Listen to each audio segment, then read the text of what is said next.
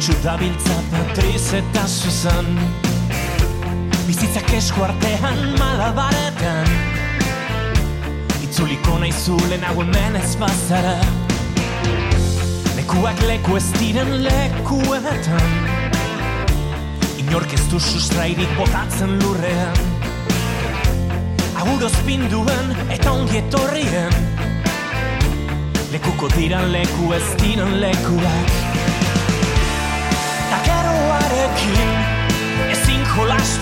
¿Qué tal estáis? Os saludamos desde la Casa de la Palabra. En esta ocasión nos vamos a detener en tres entrevistas. Los protagonistas son una mujer en moto rumbo hacia Oriente, una escaladora en la Patagonia y un veterano profesor de yoga que aconseja la meditación para los niños. De esta manera vamos a contar con Amayo Uriarte en compañía de su pareja Marvin Acián.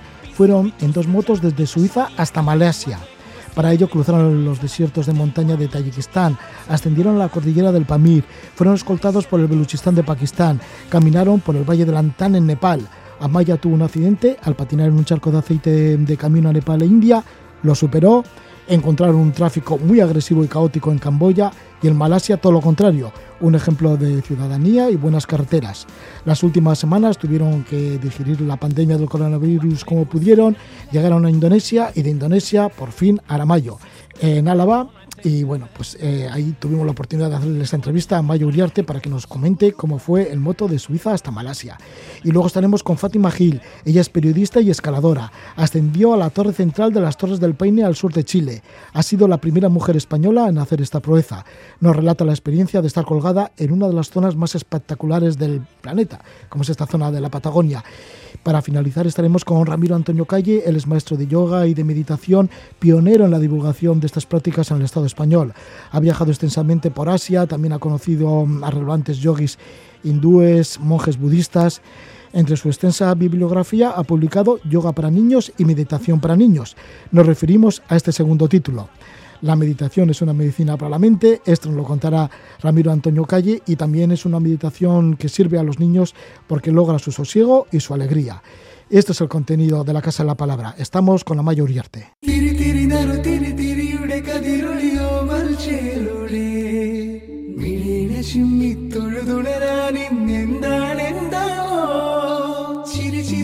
ചിരി ചിരിയുടെ കുളിരൊളി നീ മുറ്റത്തെ. മൺചിരാതിന്റെ ചുണ്ടിലേറുന്നതാരെ കണ്ടാവ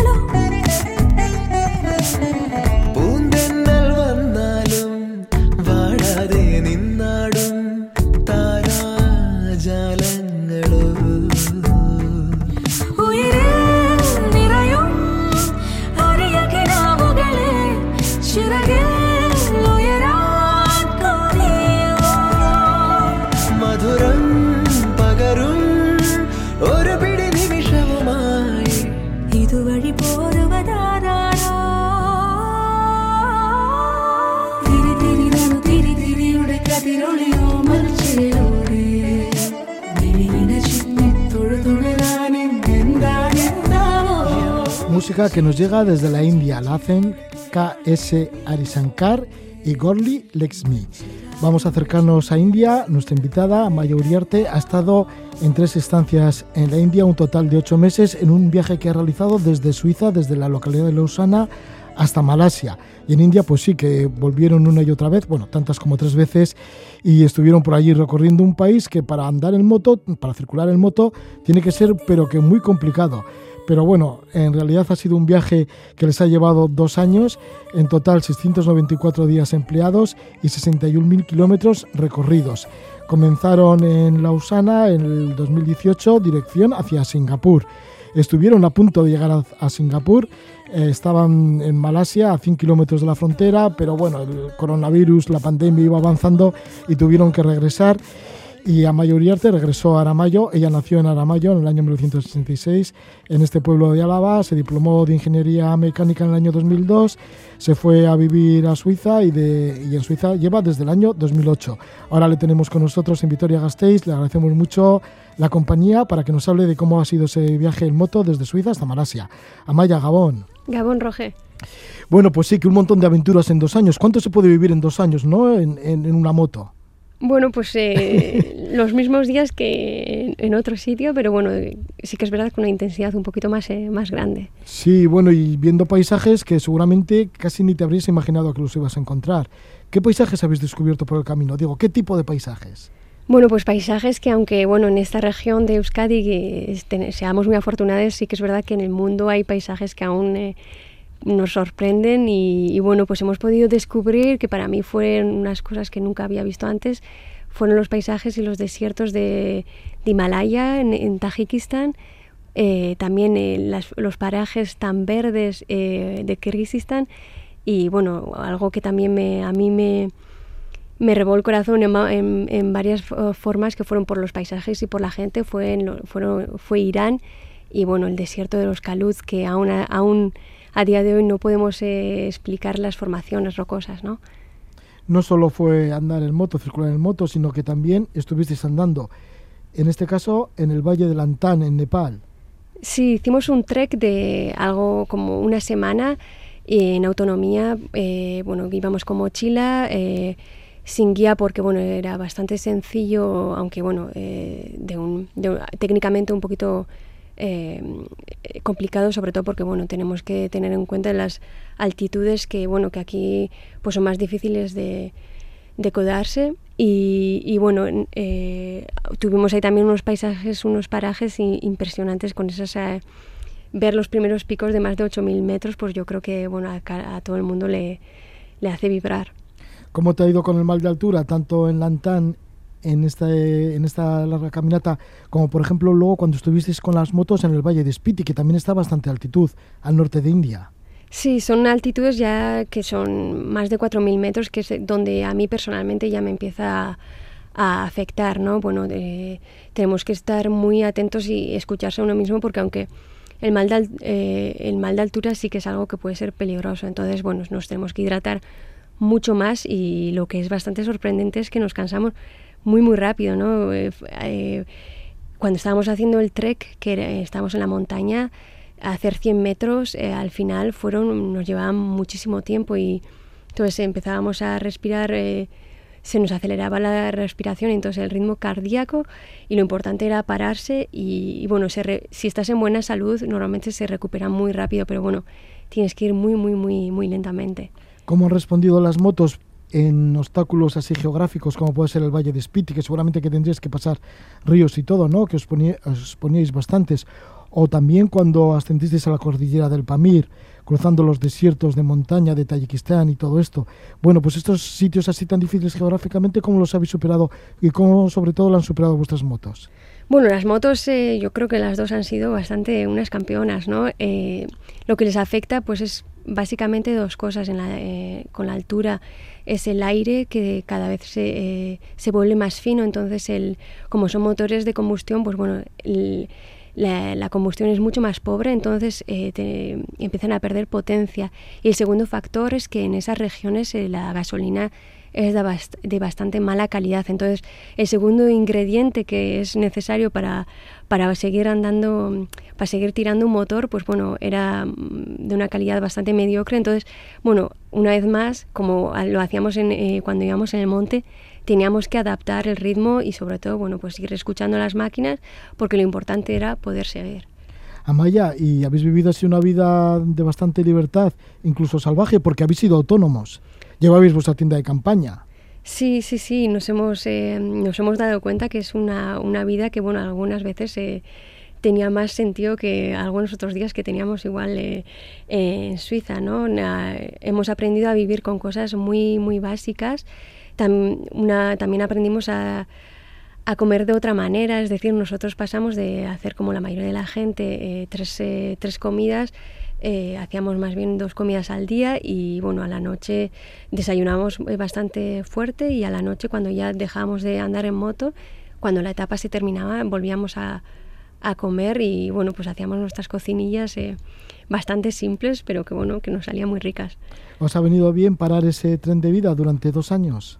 Eh, El yo tren de vida que llevabais en Suiza, trabajando y demás. Exacto, yo creo que es, em, es un tren de vida que es totalmente natural, pero bueno, que yo creo que está bien siempre eh, pararse y reflexionar sobre, el, sobre la vida que llevamos. ¿no? Nosotros eh, también sentíamos esa necesidad, llevábamos eh, profesionalmente activos eh, siete años para mí, para Marvin eran seis, y bueno, aunque teníamos un- una calidad de vida que era, era muy buena, queríamos también parar, analizarla y bueno, el hecho es que hemos vuelto a, a querer tener una vida que bueno, la podríamos llamar sedentaria, ¿no? Con unas reflexiones obvias que la hemos llevado durante dos años. ¿Qué se reflexiona debajo del casco? Muchas Recorriendo co- tantos kilómetros como 61.000 kilómetros. Muchas cosas, yo creo que son, son tiempos que, que de reflexión, porque bueno, al final sí que es verdad, mm, el tiempo, el ritmo de, eh, de vida que llevábamos nosotros era, eh, el tiempo premiaba muchísimo, había que estar todo el tiempo optimizando, haciendo multitareas, en qué momentos voy a ser más eficiente y buscando esos parámetros, ¿no? Eh, en el, en el, cuando estábamos en la carretera y estábamos eh, conduciendo, lo importante era la seguridad y que fuésemos kilómetro y kilómetro avanzando en, la, dirección que queríamos. Entonces, en, aquellos, en aquel momento, que también se vuelve un poco una monotonía, monotonía y que puede ser también eh, una terapia, ¿no? Una ter- terapia de carretera es... eh, tenemos un montón, en mi caso fueron muchísimas preguntas eh, que algunas eh, pueden ser eh, eh, preguntas filosóficas, ¿no? Eh, ¿Por qué llevamos este tipo de, vida? Eh, algo más, mm, quizás más existencial también, ¿por qué no tenemos que, por qué hemos venido aquí? ¿Qué, qué nos corresponde, no? Bueno, son temas que a mí, mm, de hecho, me ha, me ha hecho volver a, a escuchar pod- podcasts que, que, bueno, que como teníamos tiempo en el casco de, de filosofía, de gente que ha estado en nuestro en la misma situación que nosotros y bueno, ha sido muy muy enriquecedor. ¿Habéis estado en algún sitio de estos que ayuda a eso, a reflexionar todavía más? Digo, por lo desolado, solitario que es, o lo silencioso. Bueno, yo mm, no sé si se, te refieres igual a alguna algo como una filosofía igual mm, más bien eh, de espiritualidad o así. Bueno, yo, o sea, no quería no quiero entrar en esos temas, pero bueno, sí que es verdad que cuando llegamos a India India, que es un, es un país que mucha gente la sociedad con el, con el yoga. Bueno, yo eso que me, me hice un retiro eh, de yoga para, bueno, que era, no era un retiro de silencio, pero que quería eh, experimentar también eso. Entonces, bueno, son todos instantes de reflexión, no son de pensamiento nulo, no, yo eso, eso no lo, no lo he obtenido, ¿no? Pero son instantes que, bueno, yo lo, por lo menos les he apreciado muchísimo. En el camino habéis tenido de todo, ¿no? Habéis tenido de todo, desde, ya has dicho, en Irán, pues que se ha convertido en uno de vuestros países favoritos, supongo por la gran hospitalidad de sus gentes, hasta cruzar Pakistán, que lo tuvisteis que hacer en un convoy, con otros motoristas ahí protegidos y durmiendo en los techos de los cuarteles en comisarías, llegando a Quetta, la capital de la provincia de Baluchistán, que está ubicada en la frontera con Afganistán, en donde hasta ya debisteis escuchar algunos tiros y demás. O sea que ha habido un contraste de todo, ¿no? Desde estar bien a gusto, podía ser en Irán y bien protegidos, a otro país vecino como Pakistán, pues encontraros en una situación bastante complicada. Sí, fue una transición. Salíamos de Europa y que son países eh, muy seguros y bueno, en- desde Suiza, desde, desde un- una salida de un país que bueno que tiene una estabilidad política, ¿no? Entonces eh, la transición poquito a poco, de, yendo a un Irán, a un, a un Pakistán o, o a un India, bueno, fue, fue suave y yo creo que fue algo muy mm, positivo porque bueno mm, si, eh, si tuviese que imaginar empezar quizás el viaje al revés e ir haciéndolo bueno si hubiésemos empezado desde Malasia ni tan mal pero bueno si hubiésemos empezado nuestro nuestro viaje desde India y volver eh, hacia hacia Europa bueno yo creo que hubiese sido para mí mucho más difícil Así que ibais asimilando todo lo que ibais viendo. Sí, procesando, reflexionando, observando, porque bueno, obviamente son cuando vemos otras culturas, bueno, eh, nos- naturalmente nos vienen preguntas, ¿no? Porque son culturas que a veces son muy diferentes, entonces eh, nos vienen preguntas de que por qué ellos han, han evolucionado esto así. Y yo creo que la mayoría de la gente que es humana compara a su, a su propia cultura que, en la que ha sido eh, condicionada, ¿no? Entonces, son, yo creo que son reflexiones muy positivas y que merece la pena llevarlas porque algo que, que, llevo de este viaje será aprender a ser eh, más tolerante y, bueno, en algunos casos también te trabaja la empatía porque, bueno, sí que es verdad que yo creo que la suerte que tenemos es eh, de haber nacido donde hemos nacido. En mi caso fue aquí en Euskadi y que, bueno, que eso yo creo que hay que tener presente que eso no, no lo elegimos. Sí, claro, conociendo a tantos países y a tantas gentes, dices, bueno, pues vas pensando todo eso, ¿no? Se me habría tocado vivir aquí o, Ujú. o en nuestro lugar. ¿Y hay algún momento de estos que ahora mismo te gustaría volver a vivirlo? De los que has estado viviendo durante estos dos años. Bueno, a mí es una sensación que siempre me gusta, es eh, la, la- que me, me- me sorprenda. Suele ser, a ve- a veces puede ser una, algo, una sorpresa muy, muy banal, que puede ser igual eh, una comida, un sabor. Pero a mí algo que me encanta es dejarme sorprender por la naturaleza. Y, y bueno, los caluz de Irán, me acuerdo que yo sí que fue un, momento en que ya no puedes respirar y me pasó lo mismo en Tajikistán. Esos momentos de esa magia de, de, de de sorprendente es, un sentimiento que, que, que, bueno, lo desea a todo el mundo. ¿Qué son aguas termales o así?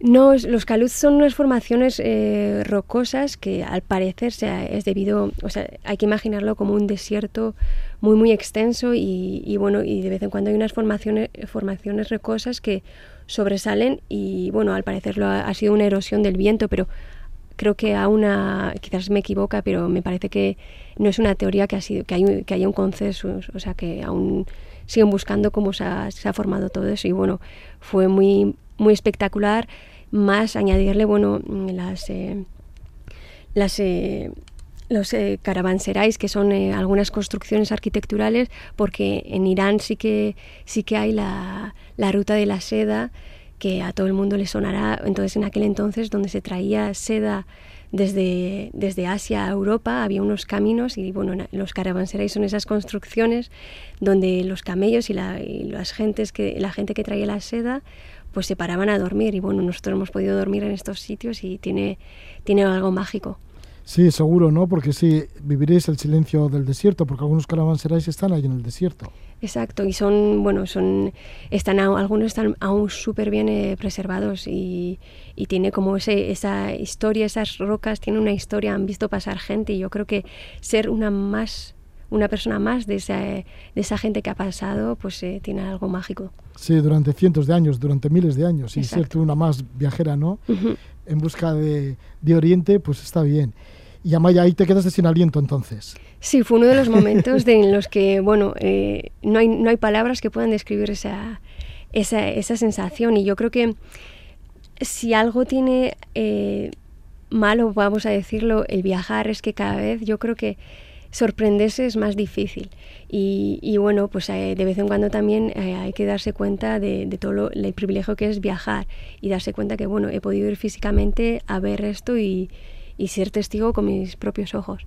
Amaya, y cuando dejabas la moto y salías, te quitabas el casco y veían que, era una, que eras una mujer, Bueno, aquello ¿les es sorprendía? mm, muchísimo. Bueno, es, es muy, es muy gracioso que me lo preguntes porque, bueno, eh, en Irán, de hecho, las mujeres eh, no pueden conducir eh, motos.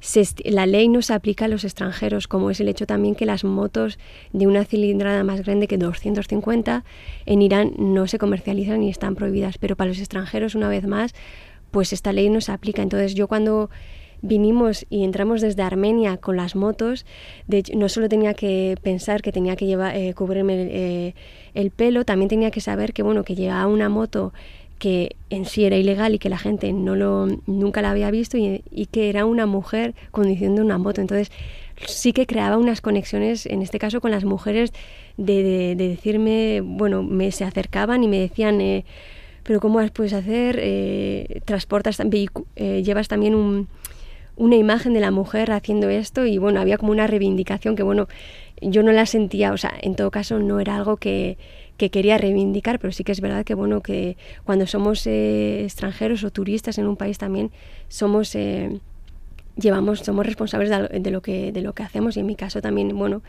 eh, llevaba es- esa imagen ¿no? de una mujer que conduce una moto esto en Irán, que las mujeres se te acercaban, ¿no? Curiosas.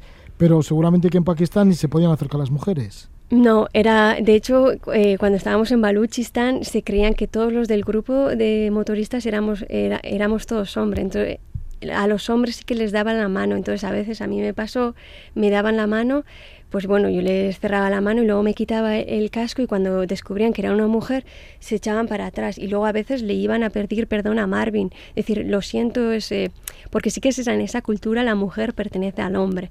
Y lo gracioso es que nosotros no estamos ni, ni casados, pero bueno, eso, eso ellos no sabían. Amaya, pues ese viaje de dos años, bueno, en total han sido 694 días, 60.000 kilómetros recorridos desde Lausana, donde saliste el 1 de abril de 2018, hasta llegar hacia la frontera de Singapur, de Malasia con Singapur. Luego tuvisteis que volver con la pandemia del coronavirus, iban cerrando las fronteras, saltaba la alarma sanitaria. Finalmente llegasteis a Aramayo, después de muchas vicisitudes que tuvisteis con las cancelaciones de los aviones. Estáis ahora en Aramayo, pero bueno, ya estáis a punto de volver de nuevo a la vida rutinaria, volver de nuevo a Lausana. Pues que vaya bien por Lausana cuando regreséis. Y muchísimas gracias por estar con nosotros, Amayo Uriarte, por habernos hablado de este viaje en moto desde Suiza hasta Malasia. Una vez más, mucha- muchísimas gracias a, a vosotros y bueno, un saludo fuerte, Roger. Ahora parece que yo debo mirar hacia el mar,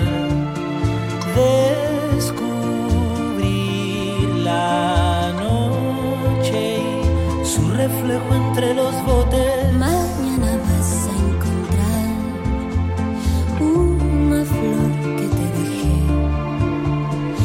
contra el pecho. Abrazas su suave fuego, y en una danza sutil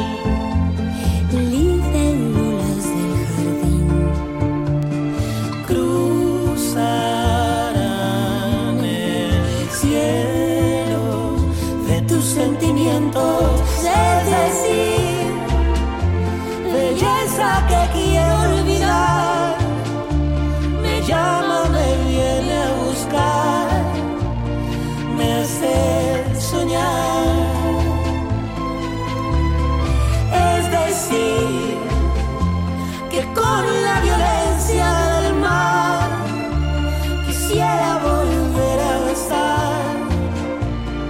Es el tema La danza de las libélulas.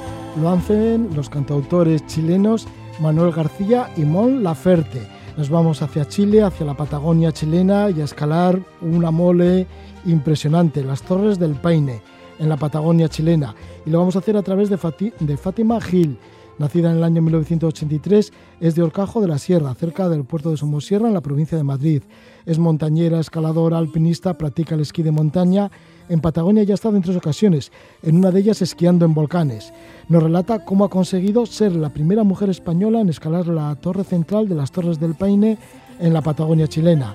Fátima Gil formó parte del equipo español femenino de alpinismo y cuenta en su currículum montañero con un puñado de cimas andinas y apertura de vías, porque además de estar en la Patagonia, pues también ha estado en la Cordillera Blanca de Perú, en el Atlas de Marruecos, en los Tatras en Polonia, en Yosemite en Estados Unidos, en Escocia, en los Alpes.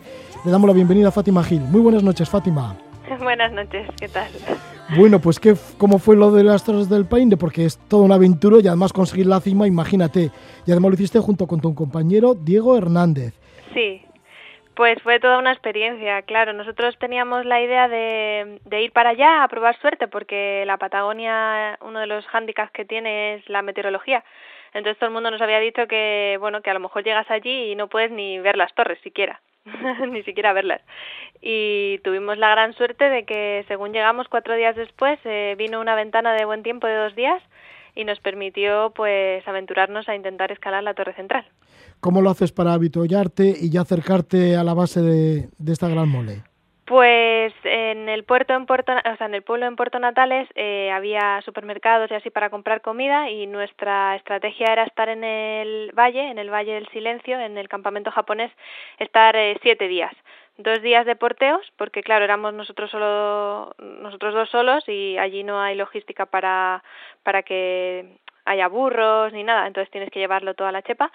Y mm, entonces dos días de porteos y un día de aproximación al pie de día, dos días en la pared y un día de bajada y otro día de, de vuelta a la, a la vida, a la, a la sociedad.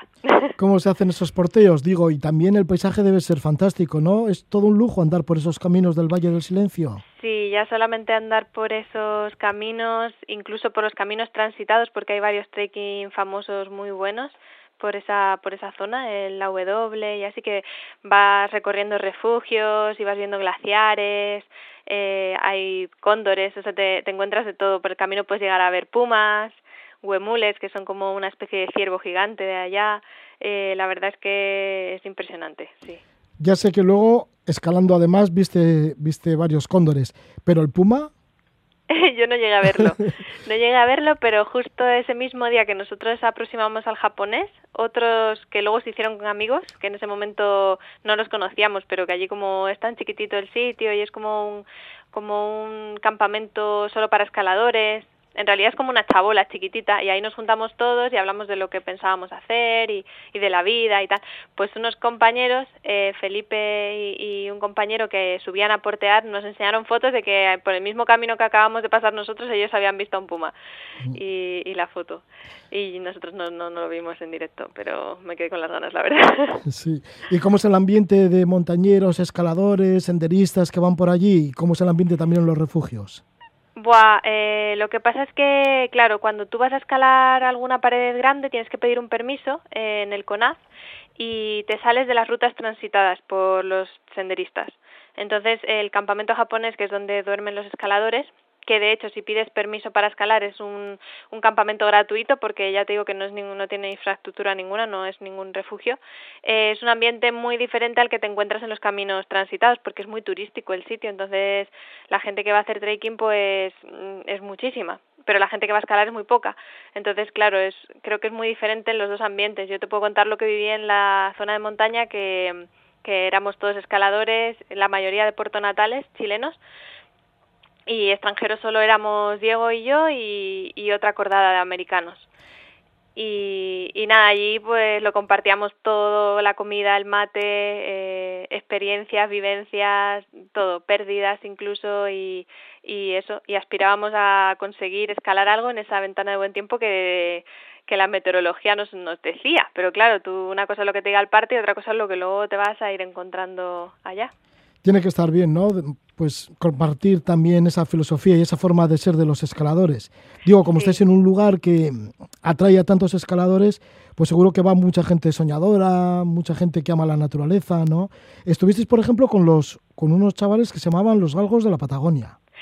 sí, se hacían llamar así. Se hacían llamar así. Eran tres chilenos y ellos estaban, llevaban, no sé si una semana o igual estoy exagerando, pero estaban viviendo en la cueva Bonington, que es una cueva que está en el Valle del Silencio, eh, que ahí no hay nada, nada de nada. Y vivían en la cueva donde Bonington intentó las primeras veces ascender esta pared pero que no lo consiguió porque la cueva está bastante aisla, alejada de la pared. Pues allí estuvieron, pasaba, eran famosos por eso, porque llevaban como una semana esperando el buen tiempo, sin partes y sin nada. Pues cuando nosotros salimos del campamento japonés, ya de camino a la pared, porque ya preveíamos, según el parte, que iba a venir de esos dos días de buen tiempo, ese día se levantó súper nublado, con un montón de viento. Bueno, pues cuando íbamos llegando a la cueva esta, aparece una cabecita, se asoma, nos saluda y empieza a decirnos, pero ¿tenéis el parte? ¿Tenéis el parte meteorológico? Y le decimos, sí, sí, eh, mañana es el día, salí de ahí. Pero claro, en ese momento tú mirabas el cielo y decías, mm, imposible que mañana se pueda escalar con este viento y, y con, esta, con este marrón ¿no? que había en el cielo.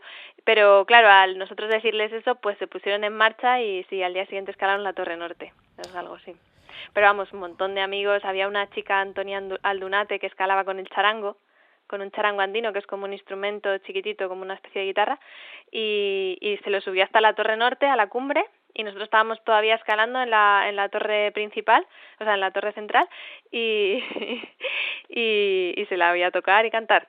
O Sí, sea, yo he visto algún vídeo, algún vídeo vuestro que está cantando y tocando, sí, que había muy buen ambiente. Y claro, Muy y en ese Valle del Silencio tiene que ser magnífico, ¿no? Con los bosques, los glaciares. Claro, los el Valle del. Silencio, eh, sales del campamento japonés, que el campamento japonés estás en un bosque, y te adentras en una tierra que es tipo lunar, o sea, mm, es todo roca, eh, hay neveros, glaciares, hay seracs enormes, paredes gigantescas, a todo tu alrededor son murallas, eh, a tu derecha tienes el escudo y la fortaleza, que son paredes inexpugnables, y a la izquierda tienes las tres torres y, y la torre peineta, que al final son como cuatro torres gigantes, y todo eso es el Valle del Silencio. En realidad, en el Valle del Silencio no hay nada de naturaleza, es todo, es todo, mm, todo roca y así. Pero vamos, eh, increíble, claro. Fátima, ¿y cómo fue la escalada a la torre central de las Torres del Paine? Porque seguisteis la ruta británica. Sí, La la, de Chris ruta Wellington. Williams. Sí, Chris Wellington y Don William, Williams. Sí, ellos fueron los que consiguieron llegar a la cumbre. Era un equipo más grande de escaladores británicos, pero ellos fueron los que hicieron el ataque a cumbre y, y la coronaron por fin. Son algo la más... primera ascensión. Sí, la primera ascensión. Y son algo más de 800 metros. ¿Cómo lo vivisteis? Porque, claro, teníais que estar colgados ahí de la pared alguna noche, ¿sí, no? Sí, tuvimos una noche que dormir en la pared y además con el hándicap de que no llegamos al vivac Bonington, que hay un vivac eh, un poco más arriba, como cuatro largos más arriba donde llegamos, que ahí hay repisas y se duerme mucho más cómodo. Nosotros terminamos la parte más dura de la vía casi de noche. Yo escalé el Hiedro Rojo al anochecer. Entonces tuvimos que dormir en una repisa, medio colgados, con las piernas metidas en la mochila, colgadas de la reunión porque no cabíamos los dos. Y, y así pasamos una noche bastante recia, la verdad. Sí, porque el viento pega mucho también. Sí, eh, ya te digo que tuvimos la suerte de la ventana esta, aún así el viento por la noche pegaba mucho y luego la pared también, las condiciones, pues te puedes encontrar de todo, porque al ser muy, muy alpina, en este caso andina, eh, te encuentras pues o pueden estar las fisuras llenas de hielo y tener que ir haciendo agujeros para poder proteger o eh, como fue nuestro caso que la nieve que había caído las semanas anteriores, que era mucha, eh, con esa ventana de buen tiempo se estaba derritiendo toda, entonces había largos que eran mm, completamente ríos verticales. Y claro, llegas a, a esa pequeña repisa que te digo donde pasamos la noche, después de escalar varios largos que son ríos, entonces claro, llegas empapado, pues tuvimos suerte, ya te digo, porque la meteo fue buena y, y había viento, pero no era excesivo. Eh, hasta el último día que cuando bajamos ya sí que al día siguiente no se podía estar en la pared, porque el viento te tiraba al suelo cuando ibas andando por, por la morrena. ¿Cómo Pero- fue, sí, y, y- y cómo fue la observación de cóndores? Porque cuando estabas escalando aparecieron tres cóndores y uno de ellos se acercó bastante a ti. Sí, pues justamente estaba llegando ya a una reunión, estaba escalando y oía a, a los chavales que iban escalando por encima, que eran los chilenos, un grupo de chilenos, Felipe y sus amigos, su cordada, y empezaron a gritar y yo me asusté un poco porque, claro, no sabía qué, qué estaba pasando. Entonces me giré para atrás y vi un pedazo de cóndor que mide más de tres metros de, enver- de envergadura y pasaba súper cerca mía y claro, yo estaba escalando todavía y, y no había llegado a un punto seguro, no estaba en la reunión ni nada y fue bastante eh, intenso, la verdad. Incluso me acuerdo que le dije, le decía cosas, le decía, no te acerques más, por favor, que como te acerques más, igual me caigo y todo de, de la impresión que da, ¿eh? Porque además cuando planean cortan el viento y suena... Sí, sí, es impresionante. Sí, porque claro, la envergadura es de más de tres metros de los Sí, cóndores. claro, te saca dos cuerpos el bicho. Sí, sí, la imagen será imborrable en todo caso.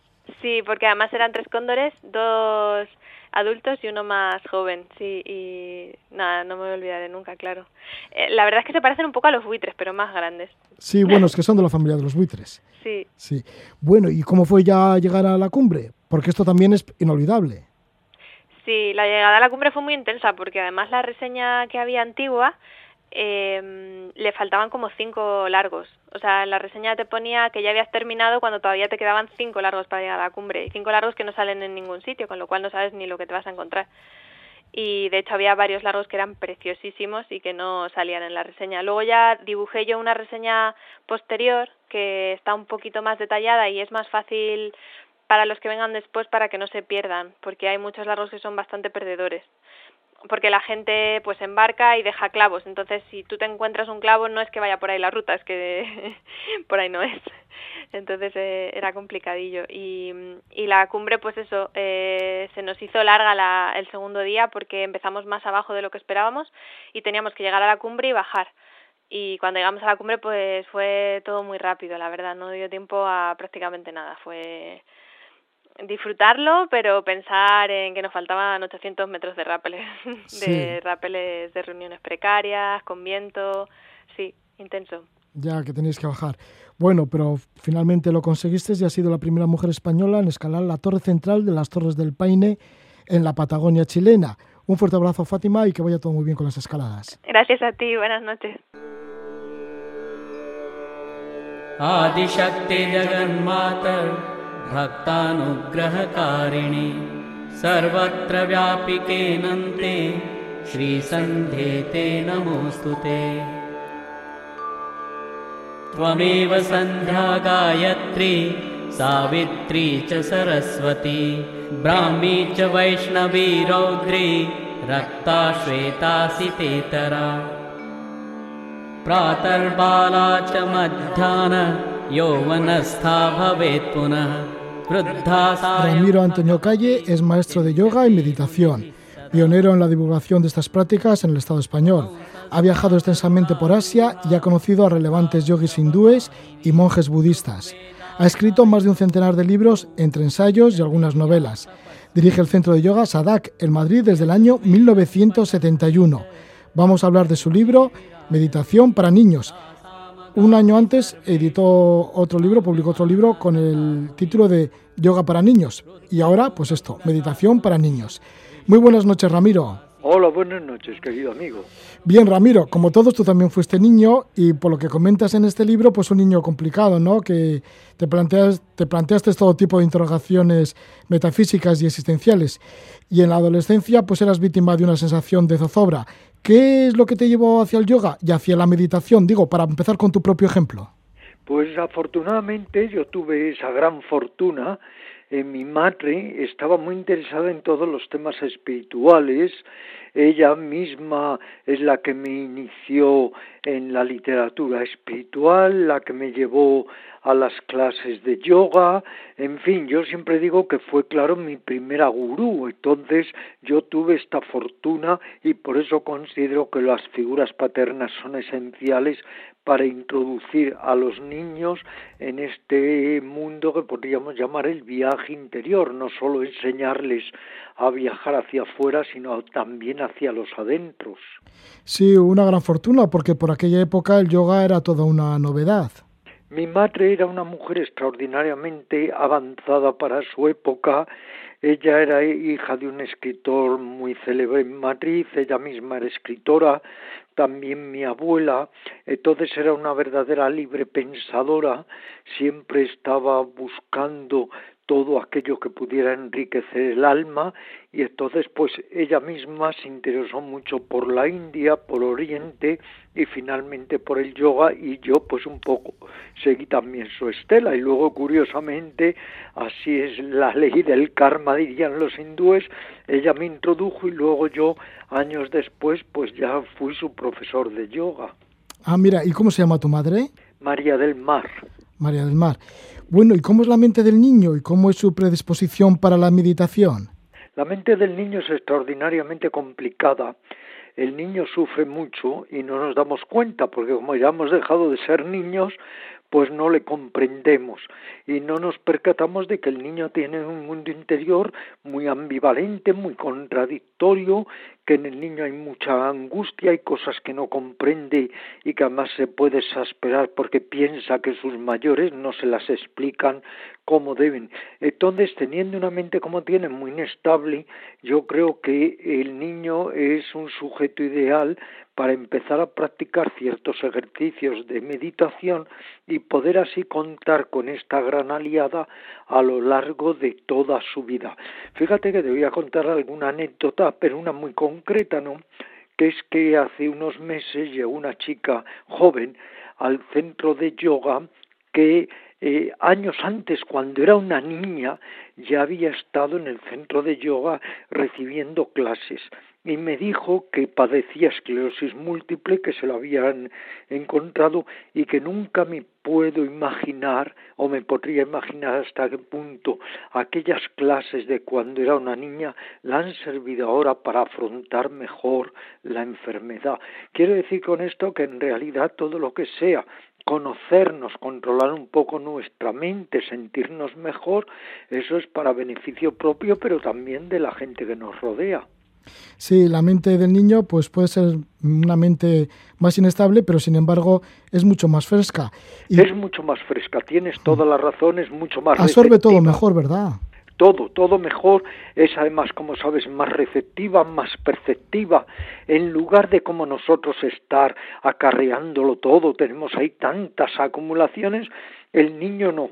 Pero claro, tiene también su contraparte, que es una mente que tiene que ser bien formada y no tiene que ser deformada, y por eso hay que huir de los adoctrinamientos, de las posturas coercitivas. Yo cuando una madre me viene al centro de yoga me dice, quiero como sea que mi hijo haga yoga, haga meditación, siempre le contesto la mejor forma de que lo vaya a rechazar y a tomar antipatía. Luego hay que írselo mostrando al niño de una manera empática, con cariño. Eh, los niños son muy mimetistas, entonces si ven que los padres practican querrán ellos también practicar. Ahora no es una labor fácil porque hay que también, como digo en este libro, Meditación para Niños, y también insistí mucho en el de Yoga para Niños en ello, hay que adaptar el lenguaje a la edad del niño. No es lo mismo si un niño tiene cinco años o si tiene ya diez años. Sí, como dices al principio del libro y también lo vuelves a repetir en varias partes del mismo, es importante que el niño tome la ejecución de los ejercicios como un juego, nunca como una imposición. Nunca, nunca, porque ya sabes que el niño tiene un rechazo a todo lo que es impositivo o coactivo. Entonces hay que irle aficionando a ello, pero de una manera, digamos eso, si es muy pequeño a modo de juego, contándole historias, divirtiéndole, ya si el niño tiene más edad, pues indudablemente estará más preparado para que utilicemos un lenguaje más directo. Tampoco hay que pensar nunca como pensamos a veces los adultos que los niños es como si fueran tontos y que no y que hay que hablarles de una manera absurda y necia, no, al niño hay que hablarle con naturalidad, el niño está mucho más capacitado para entendernos de lo que creemos, pero lo que sí es cierto es que queramos o no hay que adaptarnos a la edad del niño, no es lo mismo que le pongamos unos ejercicios de concentración a un niño de cuatro años que se lo pongamos a un niño de doce años. ¿Y cómo explicarle al niño qué es la meditación ¿Y cómo le va a servir en la vida esta meditación? ¿Cómo le puedes explicarlo? Esta es una gran labor de los padres. Al principio, quizá niños muy pequeños, es que no hay que explicárselo. Hay que ponerles a hacer el ejercicio. Entiéndeme, es como si queremos explicarle a un niño los beneficios de una bicicleta.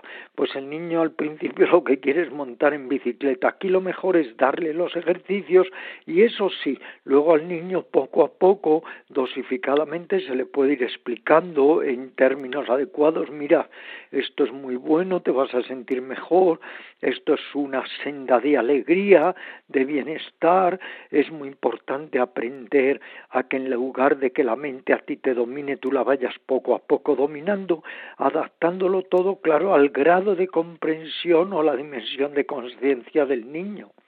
Sí, ya has dicho algunos de los beneficios de la meditación para el niño ahora mismo, ¿no? Pero por otro lado también sanea la mente, la estabiliza, esto lo digo por lo que comentas en el libro, ¿no?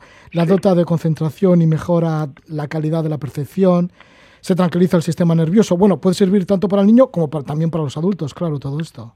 Sí, lo que sucede es que el niño, fíjate, en contra de lo que creemos, tiene una mente, como tú muy bien decías, por un lado muy fresca, muy instantánea. Aquello que le llama la atención enseguida le atrapa, le captura.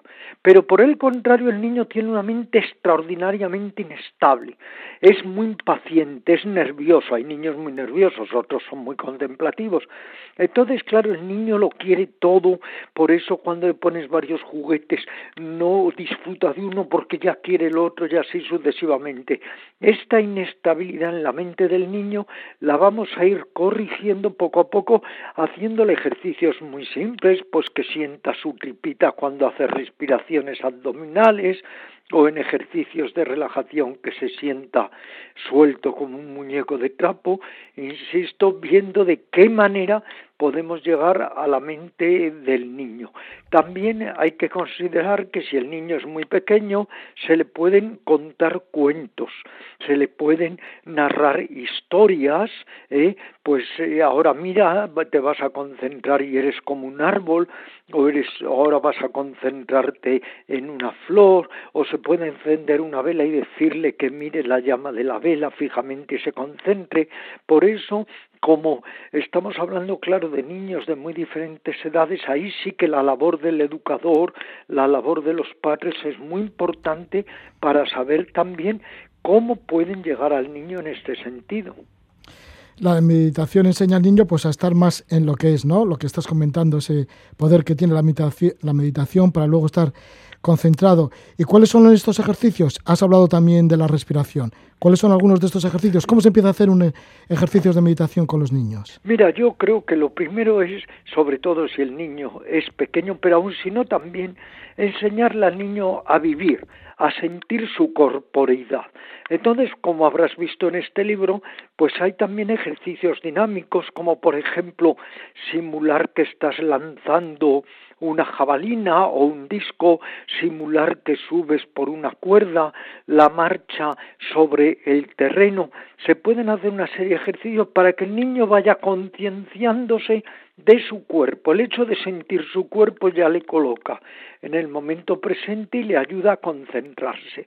Y luego lo mismo con su respiración, una serie de ejercicios. En primer lugar, a través del cuerpo, porque claro, dada la volatilidad de la mente del niño es más fácil concentrarse en el cuerpo y sus sensaciones a veces que imaginar eh, visualizaciones muy complicadas.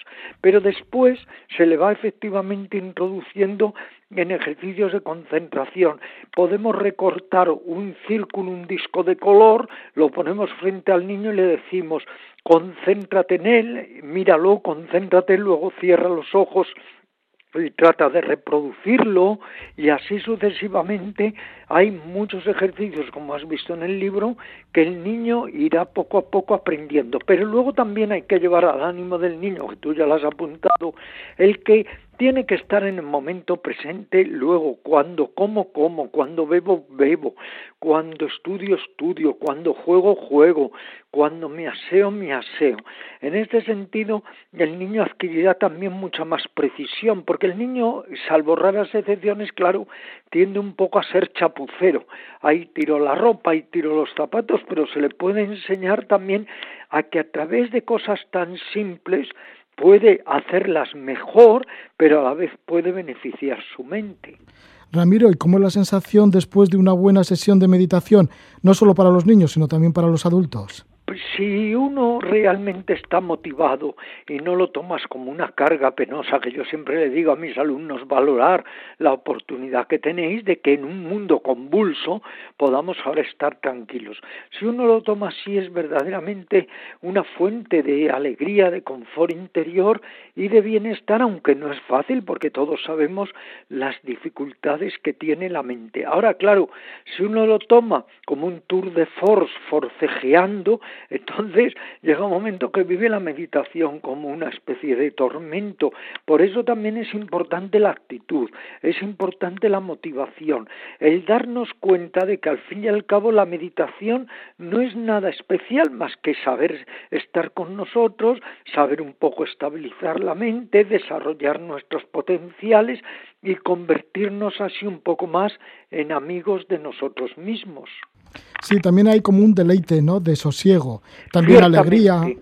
Eso es justo, tú lo has dicho, dos palabras muy importantes, además también como actitudes y enseñanzas para el niño, sosiego y alegría, porque en realidad todos los seres humanos lo que anhelamos es sosiego y alegría. Eso es lo que todos queremos. Luego otra cosa es si sabemos buscarlo bien y poner bien las condiciones o no. El niño y todos los animales sintientes buscan eso, alegría, sosiego, lo que llamamos con un término muy significativo, bienestar, que si le damos la vuelta es estar bien. Eso es lo que todos buscamos. Entonces, poco a poco, con la meditación nos vamos dando cuenta de que no solo es acumular en el mundo exterior, que lo importante también es crecer interiormente, sentirnos bien, eliminar conflictos internos y, voy a decirlo así, reconciliarnos con nosotros mismos. Ramiro, ya para terminar, y esto lo repites varias veces, este ejemplo para ti mismo, y bueno, que te sirvió para ti mismo muchísimo, ¿no? Que dices que el mejor consejo que te han dado ha sido medita. ciertamente, y por eso es el mejor consejo, entre comillas, consejo que yo puedo de corazón ofrecer a los demás, porque como dijo Buda, volviendo a Buda, y es que esto es obvio, tú eres tu propio refugio, ¿qué otro refugio puede haber? Al fin y al cabo, uno vive con su mente y podemos hacer de nuestra mente un estercolero o un jardín. Bueno, pues para hacer de nuestra mente un jardín y desde el principio, además, de los primeros años, aquí está este libro de Ramiro Calle, Meditación para niños. Ramiro, ¿y has vuelto por Oriente últimamente? No, no he vuelto, pero tengo muchísimas ganas y está previsto porque fíjate que a la India he viajado 99 veces, así que es inevitable que viaje aunque sea simbólicamente el número 100. Entonces es siempre un país para mí abierto porque es mi segunda patria. Muy bien, bueno, pues que se cumpla ese viaje número 100 a la India. Y como decimos, aquí está el libro de Ramiro Calle, Meditación para Niños, que lo edita Editorial Cairós. Muchas gracias por atendernos. Muchas gracias Ramiro. a ti, un fortísimo abrazo. Gracias por todo.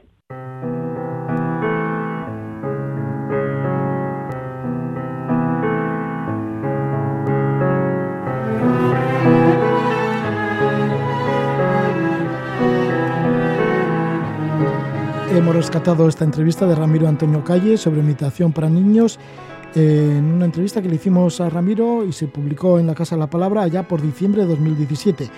También hemos recogido la entrevista con Fátima Gil, la escaladora en la Patagonia, que se emitió el 5 de marzo de 2020. Y la primera entrevista ha sido con la Maya Uriarte, que se fue en moto de Suiza a Malasia. Esto fue en junio de 2020. Ya despedimos y lo hacemos con la música del grupo británico Mosley Atun y el tema Shadows. Que vaya bien, que disfrutéis. Shadows cut the grain of the thunder and the rain. Voices like a ghost calling history up again. If I wasn't growing up, I sure as hell am now. Shadows cut the grain of thunder and the rain. Bye.